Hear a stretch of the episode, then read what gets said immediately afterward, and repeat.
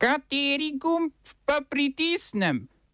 Tisti, na katerem piše OF. Čilenci izvolili novega predsednika. V Hongkongu ob nizki udeležbi zmaga podpornikov Pekinga. Neuspešni interpelaciji Vizjaka danes sledi Hojsova.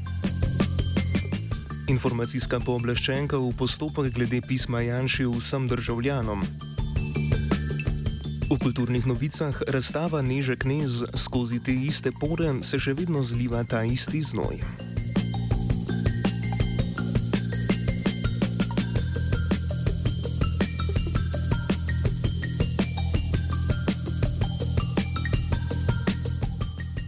Čilski aktivist hrvaških korenin Gabriel Borič je bil v včerajšnjem drugem krogu predsedniških volitev v Čilu izvoljen za predsednika države. S 56 odstotki je premagal Joseja Antonija Kasta, kandidata in vodjo skrajno desne krščanske socialne fronte ter zmagovalca prvega kroga volitev. Borič, kandidat in vodja leve koalicije Ohranimo dostojanstvo, je v predvolilni kampanji obljubljal odmik od neoliberalnega ekonomskega modela, zviševanje davkov in povečanje socialnih izdatkov. Napovedal je tudi povečanje pravic LGBT skupnosti, boj proti podnebnim spremembam in podporo ljudem z duševnimi težavami. Več deset tisoč glava množica podpornikov je njegovo zmago proslavila na ulicah Santiago. Borič bo marca na predsedniškem položaju nadomestil aktualnega konzervativnega predsednika Sebastiana Pinjera. Ena najpomembnejših nalog prihajajočega mandata bo dokončanje osnutka ustave, o katerem bodo čilenci na referendumu odločali prihodnje leto.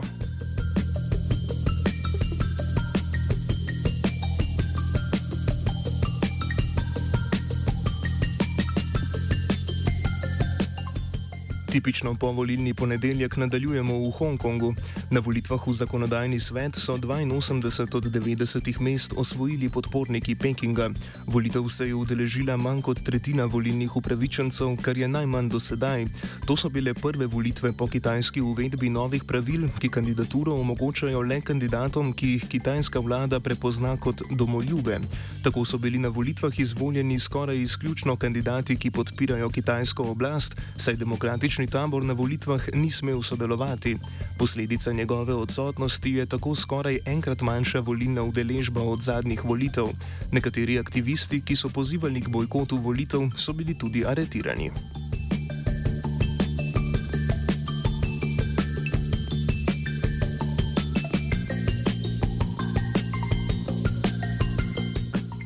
Ameriški demokratski senator Joe Manchin je napovedal, da ne bo podporil ključnega zakonodajnega predloga Joea Bidna. To lahko pomeni konec glavne točke političnega programa Bidna v tem mandatu, saj si, senat, saj si demokrati v senatu ne morejo privoščiti izgube niti enega samega glasu. Bidnova pobuda Build Back Better bi bila največja prenova ameriškega socialnega sistema v zadnjih treh desetletjih, vključuje pa tudi ambiciozne investicije v infrastrukturo, energetiko in zmanjšanje emisij toplogrednih plinov. Zakonski paket bi vladal v naslednjih desetih letih stal približno 1700 milijard evrov. Menšin pravi, da bi to preveč povečalo državni dolg, s podobnimi argumenti pa nasprotujejo tudi vsi republikanski senatori. Biden je svoj načrt že skrčil za polovico, da bi dobil podporo konzervativnih demokratov v kongresu.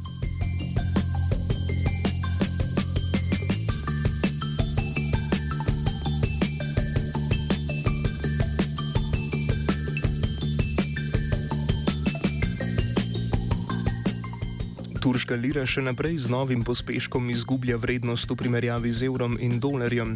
Zapadec v višini 6 odstotkov, kar je za menjalne tečaje večjih valut izredno veliko, je ponovno poskrbel turški predsednik Recep Tayyip Erdogan. V nagovoru državljanom je ostro kritiziral gospodarsko zbornico, ki je državo pozvala k upoštevanju splošno sprejetih ekonomskih načel. S tem so se obregnili ob Erdoganovo politiko in sicer na to, da kljub zelo visoki inflaciji, ki je vsako leto leto več kot 20 odstotna, ustraja pri znižanju obrestnih mer, ki jih določa centralna banka. Za en evro so morali Turki plačati 10 svojih lir, danes pa že skoraj 20. To pomeni, da je odplačevanje številnih dolgov, ki so jih naprimer turška podjetja najela v tujini v evrih in dolarjih, danes dvakrat dražje. Zelo pogosta je tudi menjava vseh prihrankov v evre. Turška vlada sicer napoveduje ustvarjanje in institucionalizacijo novega ekonomskega modela, ki naj bi temeljil na nizkih obrestnih merah in večji finančni neodvisnosti.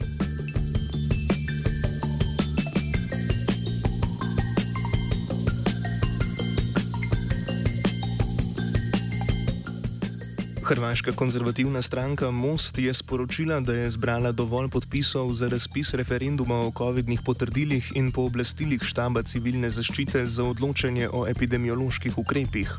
Most nasprotuje obveznemu pogoju PCT, ki ga morajo na Hrvaškem izpolnjevati zaposleni in uporabniki storitev državnih in javnih ustanov ter v zdravstvu in socialni oskrbi. Z drugim referendumskim vprašanjem pa želijo pristojnosti za odločanje o epidemioloških ukrepih prenesti z štaba civilne zaščite na sabor, ki bi o ukrepih odločal z dvotretinsko večino. Za sklic referenduma potrebujejo podpise 10 odstotkov volilnih upravičencev oziroma nekaj več kot 360 tisoč podpisov. Uradne rezultate kampanje, ki so jo zaključili v soboto, bodo predvidoma naznanili v sredo. Voda na mlin kampanji je bila tudi sredina potrditev sprememb zakona o zaščiti prebivalstva pred nalezljivimi boleznimi, ki uvaja denarne kazni za kršitev predpisov. Večina hrvaških ustavnih pravnikov sicer meni, da bo ustavno sodišče preprečilo izvedbo referenduma, če se vlada obrne na nj. Oba, če bom odgovoril na angliški. Slovenija bo poskušala pomagati. Slovenija bo naredila naš utmost, da bo rekla, da je situacija naš problem, sami. In da bomo naredili nadaljnje korake, as soon as the conditions are. Bomo vlado Marjana Cererja Šarca podprli. Zelo, zelo resno. Slovenija. Vemo, kako in bomo. Urad informacijske pooblaščenke je v petek uvedel inšpekcijski postopek proti kabinetu predsednika vlade glede pisma, ki ga je Janez Janša prejšnji konec tedna poslal vsem državljankam in državljanom. V pismu je premije državljane pozval k cepljenju in pa že pregovorni enotnosti, h kateri SDS svojimi dejanji teži že vse od prevzema vlade. Informacijska pooblaščenka Mojca Prelesnik pojasnjuje, zakaj je do uvedbe postopka sploh prišlo. Tukaj gre za klasičen inšpekcijski postopek, torej glede na to, da smo dobili prijavo, mora informacijski pooblaščenec uvesti postopek in zdaj je pač državna nadzornica za varstvo osebnih podatkov na kabinet predsednika vlade naslovila klasičen poziv po zakonu o inšpekcijskem nadzoru, torej na kakšni pravni podlagi so se obdelovali osebni podatki, ali je to obdelovala oseba v kabinetu ali nekdo tretji, torej po, govorimo o pogodbeni obdelavi osebnih podatkov. In seveda klasična vprašanja, ki jih vedno zastavi državni nadzornik za varstvo osebnih podatkov zavezancu, ko dobi prijavo. Dodaja, da bodo morebitne kršitve ugotovljene šele v zaključni fazi postopka, na vprašanje o dolžini inšpekcijskega postopka pa odgovarja. Težko rečem, seveda je to tudi odvisno od odzivnosti um, vsakokratnega zavezanca. Um, v tem primeru je državna nadzornica za varstvo osebnih podatkov, glede na to, da je šlo, bom rekla, kar za burno reakcijo državljanov, glede na število prijetih prijav, um, postavila rok uh, treh dni. Andrej Vizjak po petkovi interpelaciji ostaja ministr za okolje in prostor. Na nočnem glasovanju ga je podprlo 29 poslancev poslanskih skupin SDS in SMC, 43 pa jih je glasovalo za interpelacijo.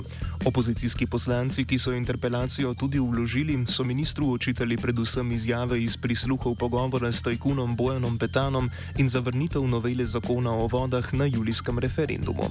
Interpelacijska sezona se v državnem zboru nadaljuje tudi danes, ko poslanci odločajo o usodi ministra za notranje zadeve Aleša Hojsa, tudi te interpelacije uspeha ne napovedujejo.